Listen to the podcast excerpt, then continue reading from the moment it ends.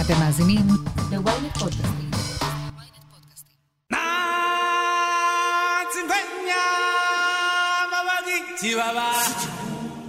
הסרט מלך האריות הוא אחד הסרטים שהכי מסמלים את אולפני וולט דיסני ואולי במאה ה-20 את הקולנוע בכלל. השירים, הדמויות, הציטוטים שהפכו לקאלט באנגלית ובעברית, הפרסים שגרף כמיליארד דולר הכנסות, מחזות זמר בסולד אאוט עד היום, משחקי וידאו וסרטי המשך. כשזה נוגע לסימבה, מופסה וסקאר, יד המרצ'נדייז והשיווק העולמי עוד נטויה והכל אפשרי. אבל האם הסרט שנחשב לאחד המצליחים בכל הזמנים והפך למוכר בכל בית, בעצם מכיל סצנות המושפעות מהתעמולה הנאצית? כל המקורות והקונספירציות שהביאו למלך האריות בפרק אחד.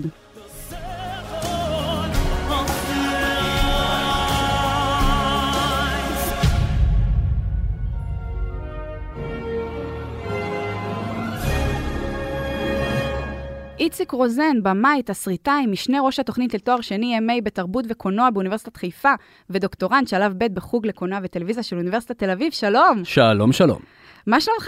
וואלה, היה יותר טוב, אבל יהיה בסדר. תודה רבה שאתה פה, מתארח אצלנו באבק פיות, אנחנו ממש ממש מתרגשים לארח אותך היום. כבוד גדול, כבוד גדול. אז לפני הכל, בוא תנפץ לי את הבועה השואתית. זו קונספירציה או לא?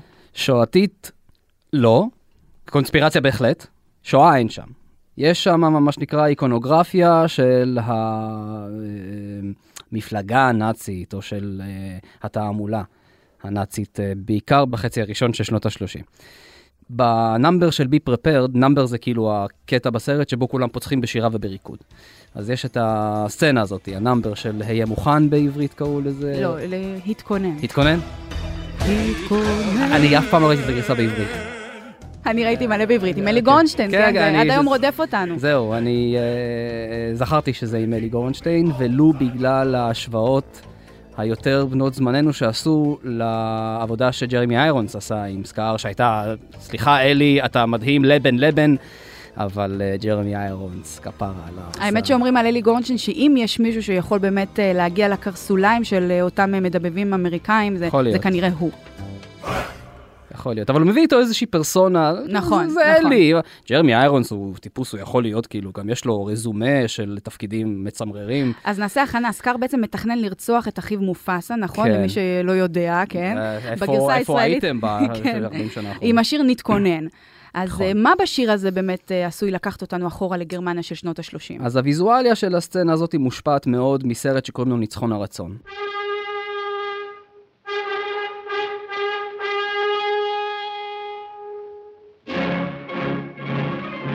סרט שיצא ב-1935, והוא למעשה תיעוד של כנס המפלגה הנאצית בנירנברג, ב, אה, אם אני זוכר נכון, יוני 1934, שזה היה הכנס השני, סך הכל, כן, המפלגה הנאצית עלתה לשלטון במרץ 1933.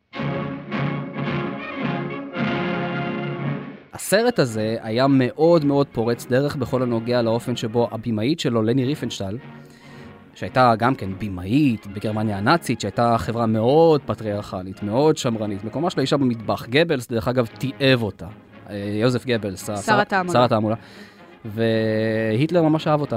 היטלר שהיה כזה רומנטיקן, והיה מאוד כזה האישה הארית, היא מבחינתו ייצגה את האידיאל של האישה הארית. הייתה גבוהה, הייתה בלונדינית, הייתה כזאת חזקה, עם uh, מה שנקרא child bearing hips, כן, יש לה uh, מותניים של אימא גרמניה, והוא שמר עליה מכל משמר, ודי נתן לה לעשות מה שהיא רוצה. היא עשתה עוד סרט לפני זה שקוראים לו ניצחון הרוח. The Triumph of the Spirit. הרבה ניצחונות. הרבה ניצחונות. אה, גרמניה הנאצית, רק ניצחונות. כן. מפסידים, מנצחים, לא משנה, ניצחונות. הרי אה, בסוף הניצחון, זה נכון, זה איך ההיסטוריה תופסת אותך. ככה זה אני לא יודע מנצח. כמה זה היה, כמה זו הייתה פרספקטיבה אז אה, מובנת על ידי הרבים, אבל תשמעי, אה, גבלס היה זה שניסח את המשפט ככל שהשקר גדול יותר, ככה אנשים יותר יאמינו לו. נכון. ניצחון הרוח היה כישלון, טוטאלי. הוא היה סרט שממש הביך את המפלגה הנאצית, זו הייתה אחת העילות של גבלס אותה. מה זה הדבר הזה?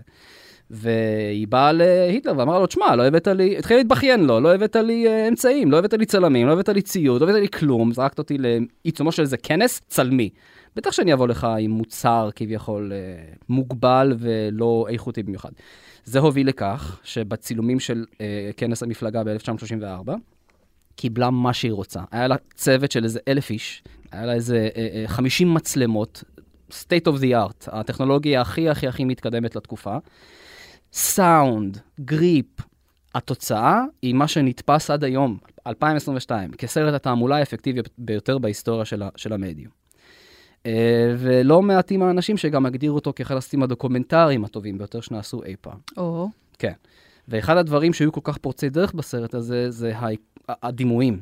האופן שבו uh, לני ריפנשטל צילמה את היטלר במיוחד. קודם כל זה סרט שמתרכז סביב הדמות של היטלר, מה שלא היה בניצחון הרוח. מפלגה הנאצית כקונספט די אמורפי, כאילו, איך אתה מאדיר מפלגה, זה קולקטיב, זה קבוצה, כשיש לך בן אדם אחד, שעכשיו כל האיקונוגרפיה, כל האסתטיקה של הסרט נערכת סביבו, והמטרה של הסרט הזה היא להאדיר אותו, זה איפשהו יותר קל, ויותר, אה, מבחינה טכנית, יותר קל עכשיו לייצר דימויים שישרתו את העיקרון הזה.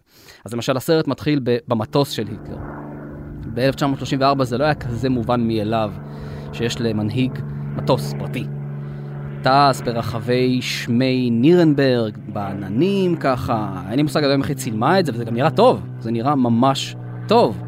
תמונה חלקה כזאת, כן, אין סטדיקאם. ב-1934. המטוס אמור לרעוד, כלום. כן. הדימוי, ולא נראה לי שעברו, ש- שזה עבר איזושהי דיגיטציה שעיצבה את התמונה. והוא יורד, מה שנקרא descends from the heavens, כן? יורד מהשמיים אל אה, אה, אה, שדה התעופה בנירנברג, הקהל מקבל את פניו, וכל הדיכוטומיה הזאת בין המנהיג האחד להמונים. ש- שמריעים לו ו- ו- ו- ומצדיעים לו ועוברים על פניו שורות שורות של חיילים, זה נצרב במאגר הדימויים של הקולנוע, בעיקר המערבי, לדורות. וזה מה שאנחנו רואים בצורה מאוד מאוד בולטת בנאמבר הזה של uh, תתכונן.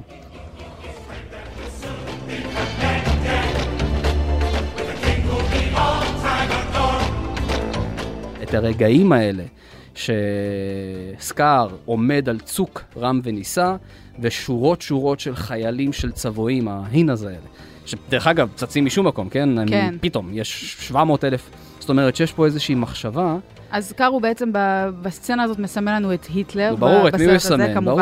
ו- וה- והצבועים, אני זוכרת שיש קטע כזה ש- שממש רואים את הצל שלהם. Mm-hmm. ככה זה גם היה נראה בסרט.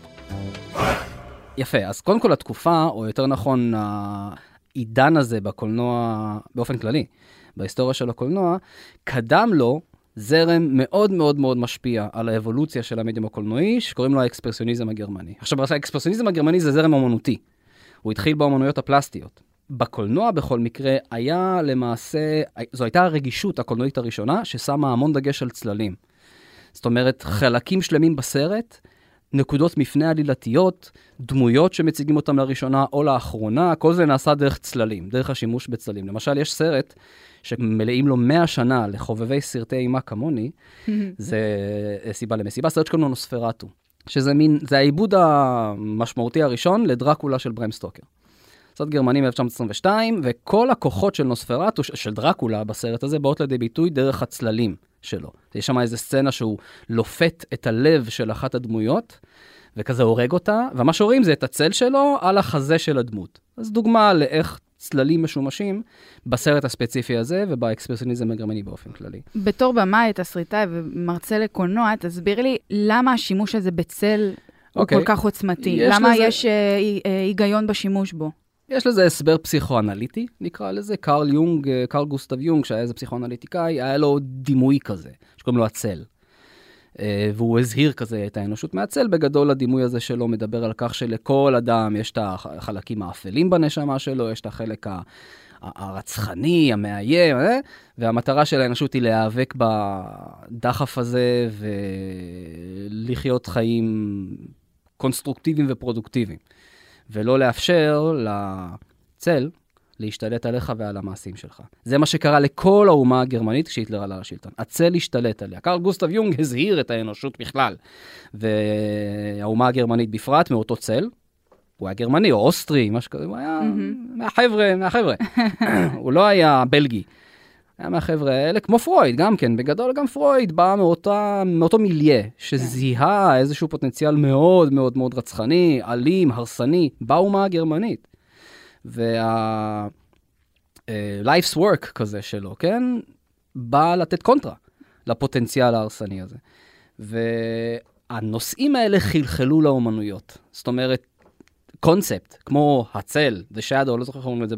הייתי מפלצן עליך ואומר את זה בגרמנית, אבל אני לא זוכר. אה, תרגיש חופשי. אני לא זוכר, הייתי מתפלצן, אני לא זוכר. קיצר, זה, זה, זה חלחל גם לאומנויות. אז יש ציור נורא נורא מפורסם, הצעקה של אדוארד מונק. בטח מכירה אותו, של הדמות על הגשר. נכון, בטח. כן, זה. אז הוא היה נורבגי אמנם, אבל uh, אותו כזה פחות או יותר, גם ארים, כל הסקנדינבים האלה, אותו, אותה מיתולוגיה נורדית אה, טאוטונית. והשימוש בצללים בציור הזה הוא מאוד מאוד מאוד דומיננטי.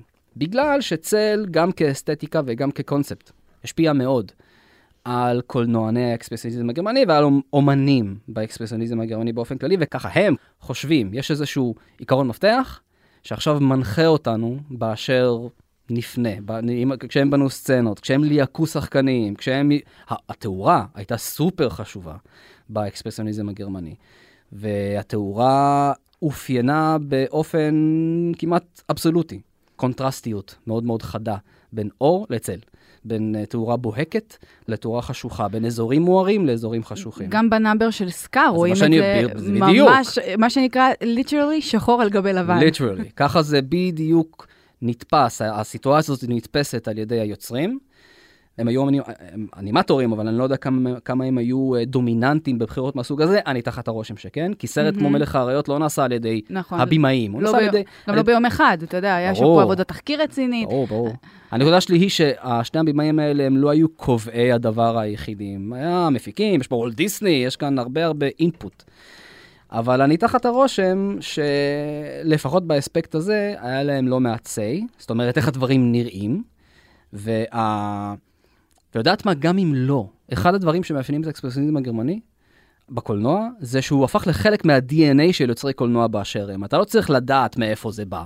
אתה לא צריך להכיר את הסצנות מניצחון הרצון, ואתה לא צריך לראות את נוספרטו.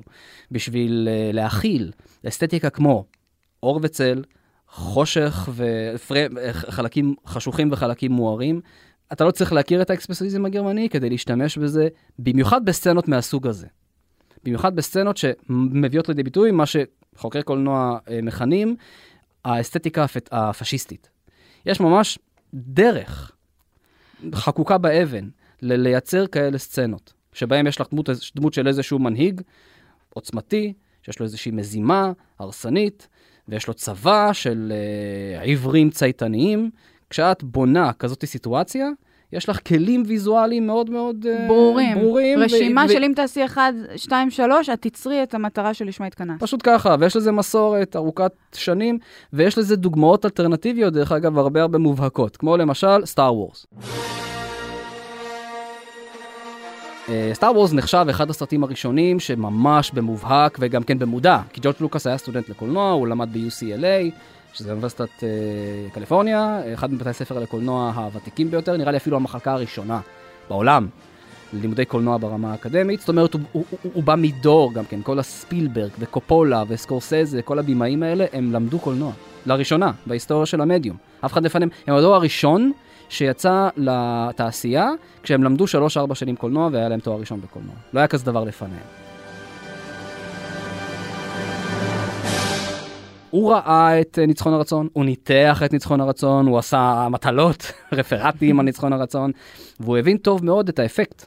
אז שיש... לכל הסטודנטים שלך ששומעים אותנו, אם אתם רוצים לעשות את הרפרנט הבא שלכם על ניצחון הרצון... הם לא צריכים את ההקלטה הזאת, כי מה הקטע? אני מלמד באוניברסיטת חיפה בחוג לתרבות וקולנוע, וראשת החוג, פרופסור איבון קוזלובסקי גולן, זאת אחת ההתמחויות שלה. אה, ויזואליה של גרמניה הנאצית, ואיך גרמניה הנאצית, גם מבחינה תעמולתית וגם מבחינה איקונוגרפית, באה לידי ביטוי בקולנוע.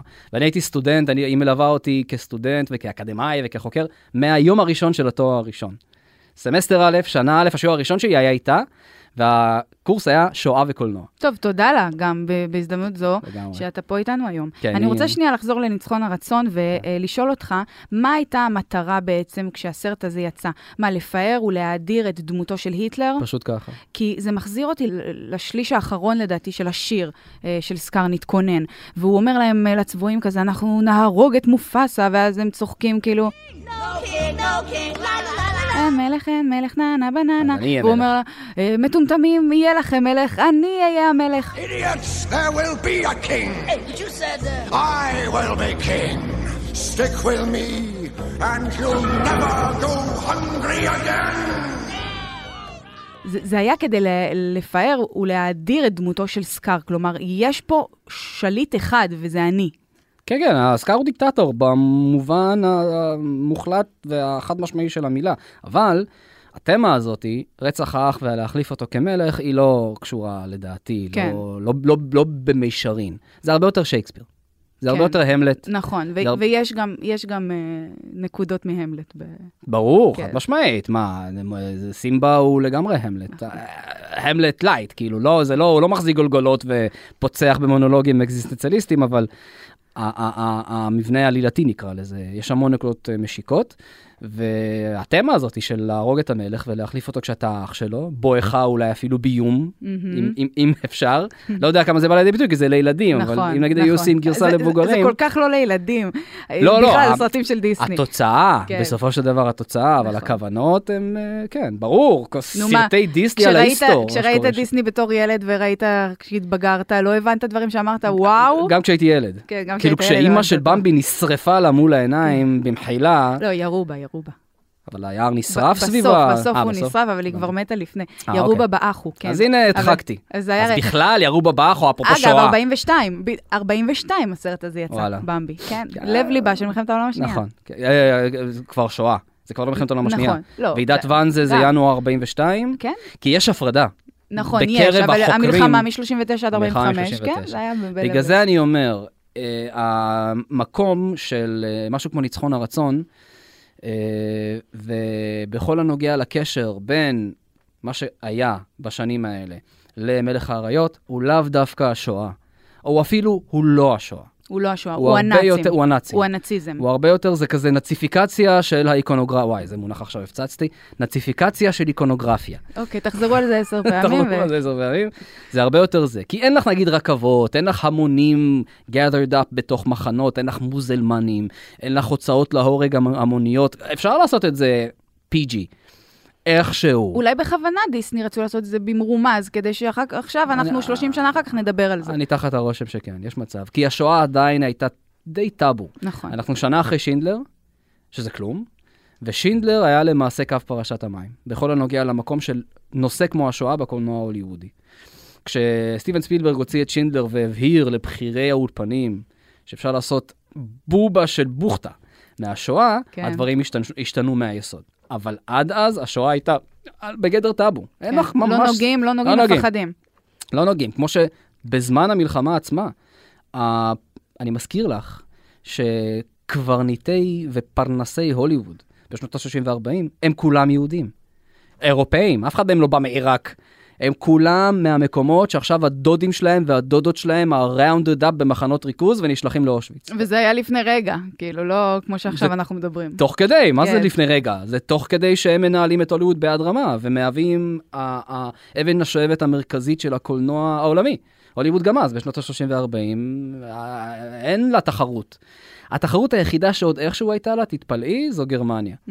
היה אולפן מאוד מאוד חזק, שקראו לו אולפני אופה, שהוקם על ידי כמובן יהודי, בחור בשם אריך פומר, שעשה סרטים מאוד מאוד מצליחים, במיוחד בעידן האילם, ששפה לא הייתה מגבלה. זאת אומרת, סרטים שנעשו בגרמניה יכלו להיצרך בסין וביפן ובכל מקום.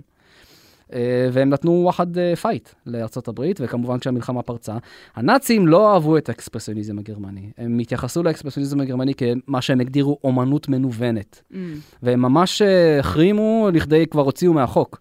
את כל מה שקשור לעשייה קולנועית במודל האקספרסיוניסטי, הם כל הוציאו ה... מהחוק את כל מה שלא היה מתאים להם, שהיה לפניהם, שהם רצו בעצם בסדר. להביא איזשהו חידוש, רדיקליזציה נגיד, מסוימת. אני לא יודע אם זה כזאת רדיקליזציה. לא, הם- הרי לא- פשוט להוציא מהשורש ולהפוך, לעשות אה, הכל הפוך. הזאת כן. כן. מהבחינה הזאת כן, אבל הם היו מאוד אה, דווקא, לדעתי, אני לא יודע כמה אנשים יסכימו איתי, אבל אני חושב שהם היו מאוד רוויזיוניסטים. Mm. הם מאוד ראו את ההיסטוריה המפוארת, כי היה מלא פוסטרים של... אה, אחד הקיסרים הראשונים של גרמניה. נו, זה מזכיר קצת את תקופת הרנסאנס, שאולי אנחנו נדבר עליה קצת בהקשר של דיסני, אבל גם הרנסאנס הגרמני, של בעצם למחוק את איזושהי תקופת חושך מסוימת ולחזור אחורה למקורות הקלאסיים. כן, נגיד. אז היה, היה כזאת תמונת תעמולה נורא מפורסמת של הקייזר הזה, ביזמרק והיטלר. Mm.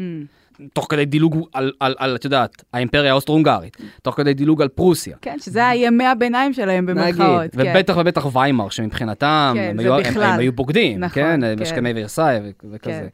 אז שוב, שואה אין במלך האריות, אבל בהחלט, בהחלט יש את האיקונוגרפיה של התעמולה הנאצית, בין אם זה בסרט כמו ניצחון הרצון, אבל, אבל לא רק, לצורך העניין.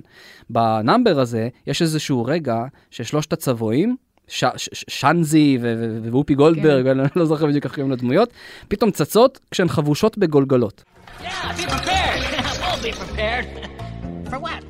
נכון. את זוכרת את הדימוי הזה שם?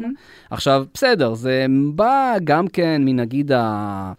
מיתולוגיה הטאוטונית, שזו המיתולוגיה של הוויקינגים, של הנורדים, של אה, כל הלוחמים הגדולים, שאנזי, בנזאי ועד. באמת? ועד? כן, עד, עד. טוב. שאנזי זאת נראה לי באמת וופי גולדברג, גם אני, שעשתה עבודה מדהימה, זאת אומרת, כן. היא אחלה. עכשיו, יש כאילו איזה שהן מקורות היסטוריים, יותר אה, נקרא לזה קלאסיים. הלוחמים האלה, הוויקינגים, שהנאצים מאוד מאוד הושפעו מהם. המיתולוגיה הטאוטונית הייתה מאוד דומיננטית ברוח הנאצית. לצורך העניין, האובססיה שלהם ממלחמה, מתוקף היותם פשיסטים, שמבחינתם מלחמה זה הדבר הנשגב ביותר שיש, נובעת משם. הגן עדן של הוויקינגים ושל המיתולוגיה הטאוטונית זה מקום שקוראים לו ולהלה. עוש- ולהלה. ולהלה. ומה עושים בוולהלה? מה? הולכים מכות לנצח. באמת, כל לוחם שמת בשדה הקרב, זה נורא כזה הג'יהאד האיסלאמי דרך אגב. כולם גונבים אחד מהשני. אז מי שנלחם בשדה הקרב, במסגרת המ... אה, ונפ... ונהרג בשדה הקרב, במסגרת המיתולוגיה הטאוטונית, מגיע לוולהלה, ומה שהוא עושה לנצח זה הולך מכות. נלחם. זה הגן עדן שלהם. והנאצים מאוד מאוד הזדהו עם זה. והלוחמים האלה, הרבה פעמים כדי להפחית את האויב, היו חובשים באמת גולגלות של כל מיני חיות וכזה, משהו שהספיק, ש- ש- ש- הם לא יכלו לשים גולגלות אדם, כי זה היה, נראה מצחיק. אז הם היו עושים גולגלות של שור, היו שמים גולגלות של סוסים, כאלה. נגיד כשאני, כשאני צפיתי במלך האריות עד היום, למשל זה היה לא, מאות פעמים, אז אני לא, אפילו לא יעלה בדעתי שזאת אולי הסיבה לכך שהם שמים את הגולגולות האלה. יתרה מזאת. אתה אומר שזה, כשאתה צופה בזה אתה אומר ברור. אז אני אומר, יתרה מזאת, אם אנחנו מחפשים את הקשר האיקונוגרפי הישיר בין הוויזואליה הנאצית, נקרא לזה למלך האריות, על הכובעים של קציני אס אס, הייתה גולגולת. הם קראו לזה טוטנקופף, ראש מוות כזה, ראש המתים. נכון. וזה היה סמל, אין כזה דבר קצין נאצי, זה אין בלתו. כאילו, יש לך את הקצין באס-אס, יש לך את הכובע הזה, ויש לך את הגולגולת הזאת. גם הייתה להם, הם היו מסומנים עם הקעקוע הזה. ככה זיהו את אה, אייכמן. הם היו מקועקעים מתחת לבית השחי, ככה הם כאילו סימנו את עצמם.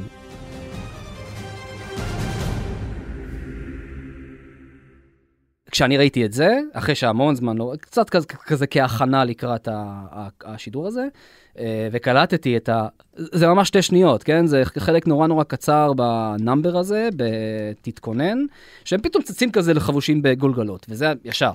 גם להיטלר היו כזה שלושה אנדרלינגס, שלושה משניים, ב...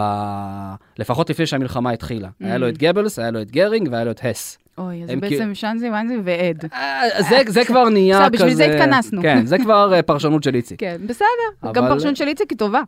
אוקיי. כן. אה, אתה יודע? אפרופו פרשנויות, אני מנסה לחשוב על זה שאנחנו יושבים פה עכשיו עשרות שנים אחרי זה ו- ומנתחים ו- ו- ומסתכלים בדיעבד על איך השתלשלו האירועים.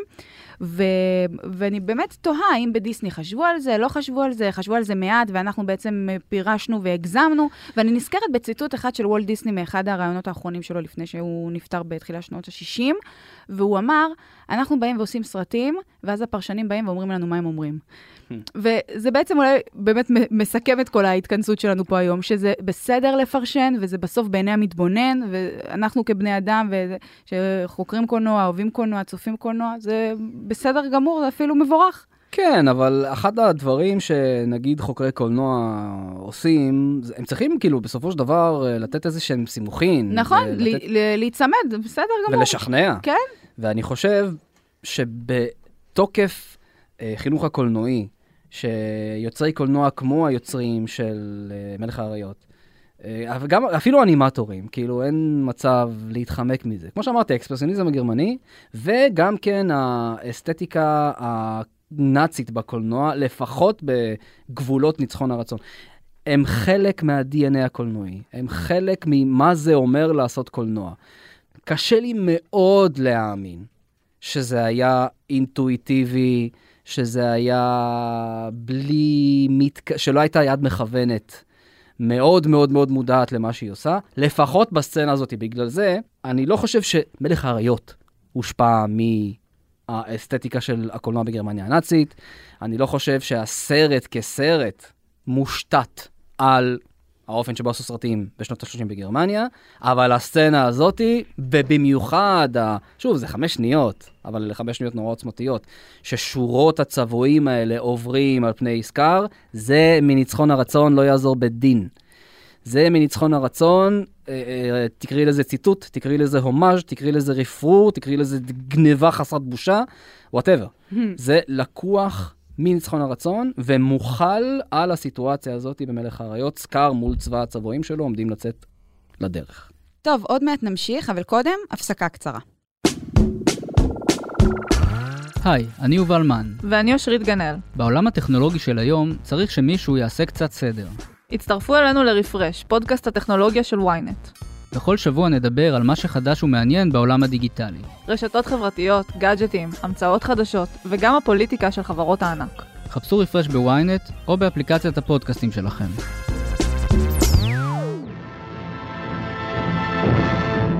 From the thrilling pages of life rides a man you must fear and respect. Carved a lusty, rough, and boisterous slice of history called The Searchers. בואו נדבר על עוד סרט. כן. המחפשים, אז איך הוא קשור למלך האריות? אה, מחפשים, יפה. אז קודם כל, לאנטגוניסט, לבד גאי, במחפשים קוראים סקאר. This is the great cicatrice. Watch these Scar, huh? Plain to see how you got your name. ויש לו צלקת. בעין שמאל. שתביני לאיזה רמת It's too דיוק. good to be true. לגמרי it's too good to be true. אה, תכנסי, תבדקי. כן. יכול להיות שאני טועה והיא בעין ימין, כזה נוטה לכיוון העין ימין. כל נושא ה bad guy עם הצלקת זה issue. נראה לי ממש יש סמינרים שלמים שנכתבו על שימוש בצלקות על מנת לסמן bad guys. תחשבי על הדמות של ארנסט בלופלד. Good evening, Mr. Bond. Blofeld. הוא האנטגוניסט האולטימטיבי של ג'יימס בונד. בלופלד הוצג בפני ההמונים בסרטי ג'יימס בונד ככף יד שמלטפת חתול, מכירה את נכון. הדימוי הזה? כן, אז כן. הוא משם. ופתאום יש לה נבל, איזושהי אה, אה, אה, איקונוגרפיה נורא נורא מזוהה, הצלקת. שיש לו על הפנים, שיש לו על העין. גם העין זה איבר מאוד קולנועי. תחשבי כמה סרטים התחילו או נגמרו או אה, השתמשו בהם בקלוזאפ על העיניים. זה מעין אמרה על הקולנוע עצמו, להשתמש בעין כחלק מהאסתטיקה של הסרט. וכשהמחפשים יצא ב-1956, הבמאי שלו, ג'ון פורד, שנחשב במאי, מגדול במאי המערבונים בהוליווד. כששאלו אותו מה אתה עושה, הרבה פעמים הוא לא היה אומר אני במאי קולנוע, היה אומר אני עושה מערבונים, I make questions. Mm. הוא אפילו לא התייחס, למער... לא התייחס לעצמו כבמאי קולנוע, הוא התייחס ליצ... לעצמו כיצרן של מערבונים, בדרך כלל אולפני וורנר ברודרס. אז כשאני עשיתי גוגל על המחפשים, אני הבנתי שזה אחד מסרטי המעברונים הכי טובים בהיסטוריה. אתה לא יודע, חותם לא- על זה? אני- לא חותם על המונח הכי טובים. טיב זה... הוא כן אחד הכי משפיעים, מהמם, ואחד הכי מוכרים, מהמם. ואחד שה... מה שנקרא המבנה הנרטיבי שלו, כן? המהלך העלילתי שלו, עשו לו פייסט. הבנתי, למלא כן. הוא היה סרטים. אב אב טיפוס. מעין, מעין אב טיפוס. יש סרט שקוראים לו נהג מונית, ויש איזושהי טענה שאני לא כזה מסכים איתה, שנהג מונית הוא ממש רימייק של המחפשים. גם שם יש דמות של נבל, שלא קוראים לו סקאר, קוראים לו ספורט, לא יודע, אס, אס, אה. והוא לבוש כזה כאינדיאני, וכל המטרה של אה, טרוויס ביקל זה להציל את ג'ודי פוסטר, שזה מה שקורה במחפשים. ג'ון ויין מחפש את נטלי ווד, ורוצה להציל אותה מטלפיו של סקאר, שהוא איזה chief של הקומאנצ'י, שהיה האויב המר ביותר של האמריקאים במלחמות האינדיאנים בסוף uh, המאה ה-19. וכל הקטע של סקאר במחפשים, זה שהוא הוא יודע אנגלית. הוא אינדיאני שיודע לדבר אנגלית. זה לא היה טריוויאלי. גם היסטורית, וגם בקולנוע ההוליוודי המערבוני. Mm. אינדיאנים נתפסו כאחר אולטימטיבי, הם לא נתפסו בכלל כבני אדם. והקטע של, אה, בסופו של דבר, של סקאר במלך האריות, הוא שאי אפשר להתפשר איתו. הוא לא, הוא כמו הטרמינטור, כן? You can't reason with him, you can't bargain with him. הוא, יש לו מטרה ואין בלתה, הוא הרדיקל שברדיקלים ואין מקום לפשרה, אותו דבר היה עם סקאר ב... במחפשים. זה כמו להתווכח עם עץ. אתה לא יכול להגיע לפשרה עם סקאר, הדבר היחידי שאתה יכול לעשות איתו זה להשמיד אותו. וזה מה שקורה במחפשים, וזה מה שקורה במלך האריות. ואני לא יודע כמה סרטי וולט דיסני, במיוחד בתקופת הרנסאנס, מסתיימים בהשמדתו של האנטגוניסט. את תגידי לי. לא, יש.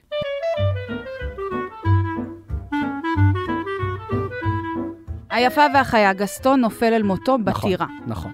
טרזן בסוף כן, הורג- הורגים את שרחן.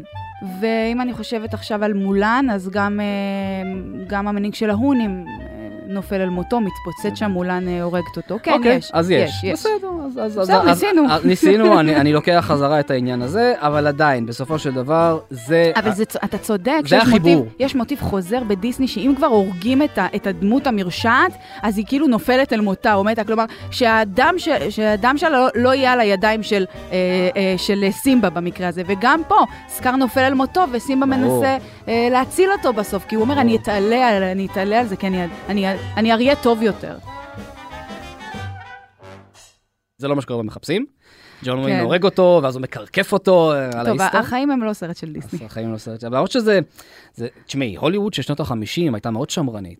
בגלל זה המחפשים נתפס כסרט כל כך משפיע, שהשמרנות, לא רואים, אבל הרמיזות הן מאוד מאוד בוטות, גם רמיזות של, אה, של פדופיליה. במקרה של אה, הדמות של ג'ון ויין בסרט והדמות של נטלי ווד, נקרא לזה המתח המיני, אני לא יודע אם אפשר להגדיר את זה ככה, המערכת היחסים בין הדמות של נטלי ווד לדמות של ג'ון ויין בסרט הזה לא חפה מאיזשהו תוכן מיני.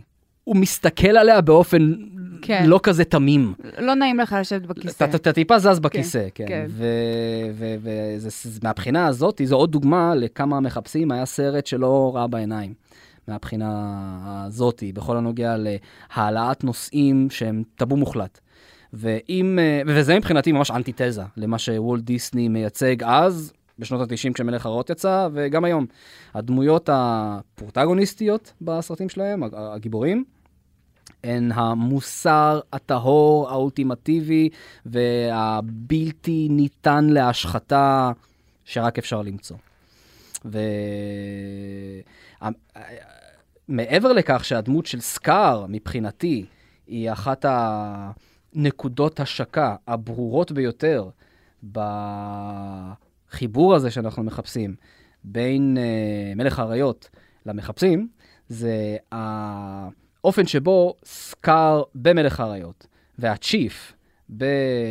במחפשים של ג'ון פורד מוצגים כמנהיגים דיקטטורים של איזשהו קולקטיב אויבים. זאת אומרת, בהרבה סרטי מערבון קלאסיים, אלה, כאלה שנעשו בין שנות ה-30 לשנות ה-50, לא הייתה מנהיגות לשבט אינדיאנים הזה שעכשיו אנחנו נלחמים בו. הם היו גוש, כמו שאמרתי, קקטוס, הם היו גוש של אה, פראים שמחפשים להרוג אותנו, והמטרה שלנו היא להשמיד אותם. ג'ון ויין עשה סרט שקוראים לו אה, כרכרת הדואר, Stagecoach. ובסרט הזה, ב- בכרכרת הדואר, שם זה בא לידי ביטוי בצורה מובהקת, כאילו עד כמה האנושיות מהאינדיאנים נשללת מהם מכל בחינה אפשרית. אין שם מבנה חברתי, אין שם היררכיה, כל מה שקשור לבני אדם בעולם המערבי נשלל מהאינדיאנים במערבונים של ג'ון פורד המוקדמים. במחפשים הוא איפשהו היכה על חטא מהבחינה הזאת, כי הוא קיבל הרבה ביקורת על העניין הזה.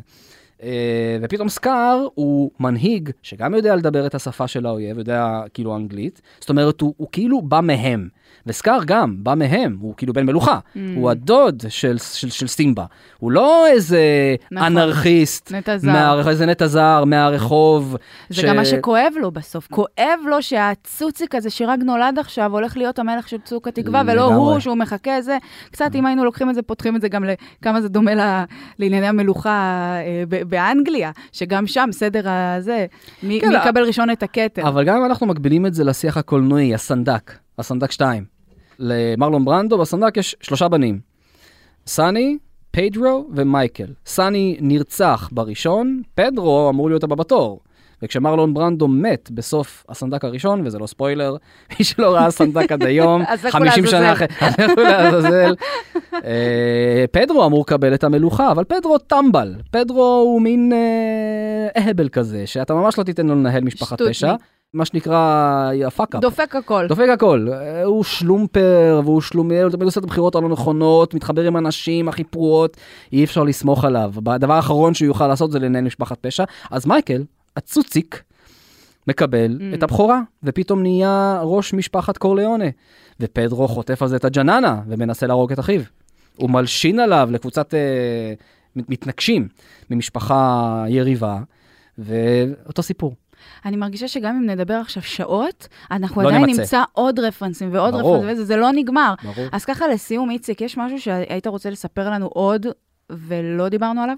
אז תשמעי, אחד הדברים שבאמת נראה לי מובהקים הרבה יותר, או נראה לי זה כאילו הדבר המובהק ביותר, ומשום מה זה עבר התעלמות מוחלטת על ידי שנינו, זה התמות התנ"כיות שיש בסרט כמו מלך האריות, ושוב זה מחזיר אותנו למערכת היחסים בין סקאר למופסה.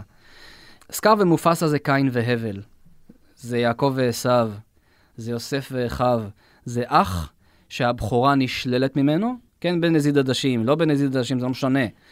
זה אח שהבכורה נשללת ממנו, והוא לא לוקח את מסוגל זה בקלות, זה, לא מסוגל כן. להשלים, זה רודף אותו בלילות. יוצא למלחמת חייו. שימי לב שסצנת התתכונן היא סצנה מסויטת, היא נראית כמו סיוט. נכון. וזה הסיוט של סקאר. זה השדים האלה שרודפים את סקאר, הפנימיים. הפנימיים. אותם צללים שדיברנו עליהם. בדיוק, אותו שד, אותו צל, מהמם. אותו צל היונגיאני הזה. שרודפים, עכשיו שוב, זה טיפה לנבור וטיפה לפרשן, אבל וואלה, לא יודע, זה שם, ובכל הנוגע לתמות התנ"כיות, אם אנחנו עכשיו עושים את ה... מכילים את התמות התנ"כיות על הדמות של סקאר, this is what it is. אתה אה, אה, נפגע ונעלב ומושפל כאח בכור, בצורה irreparable, כן? בצורה שהיא חסרת תקנה, ויוצא לפעול.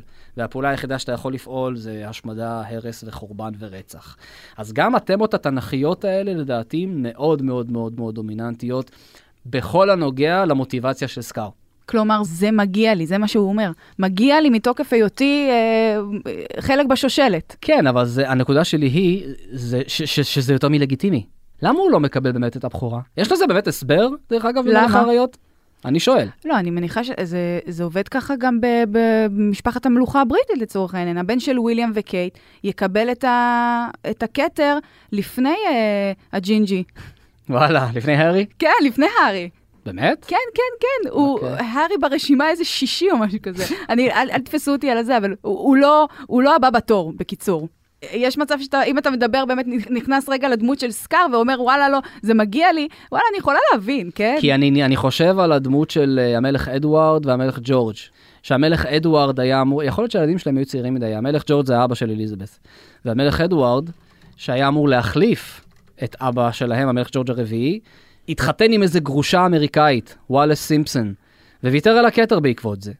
האלטרנטיבה הייתה אח שלו, שיש את הסרט נאום המלך. אחיו היה מגמגם, הוא היה לא האישיות הכי מנהיגותית בעולם, אבל לא הייתה אלטרנטיבה אחרת. הוא היה חייב להיות המלך במקום אדוארד. Mm. אז זה כאילו קצת בלבל אותי עם כן. העניין הזה של אחים ובנים וזה. לא, זה, ב- it's complicated, you know. יכול משפחת להיות. מלוכה.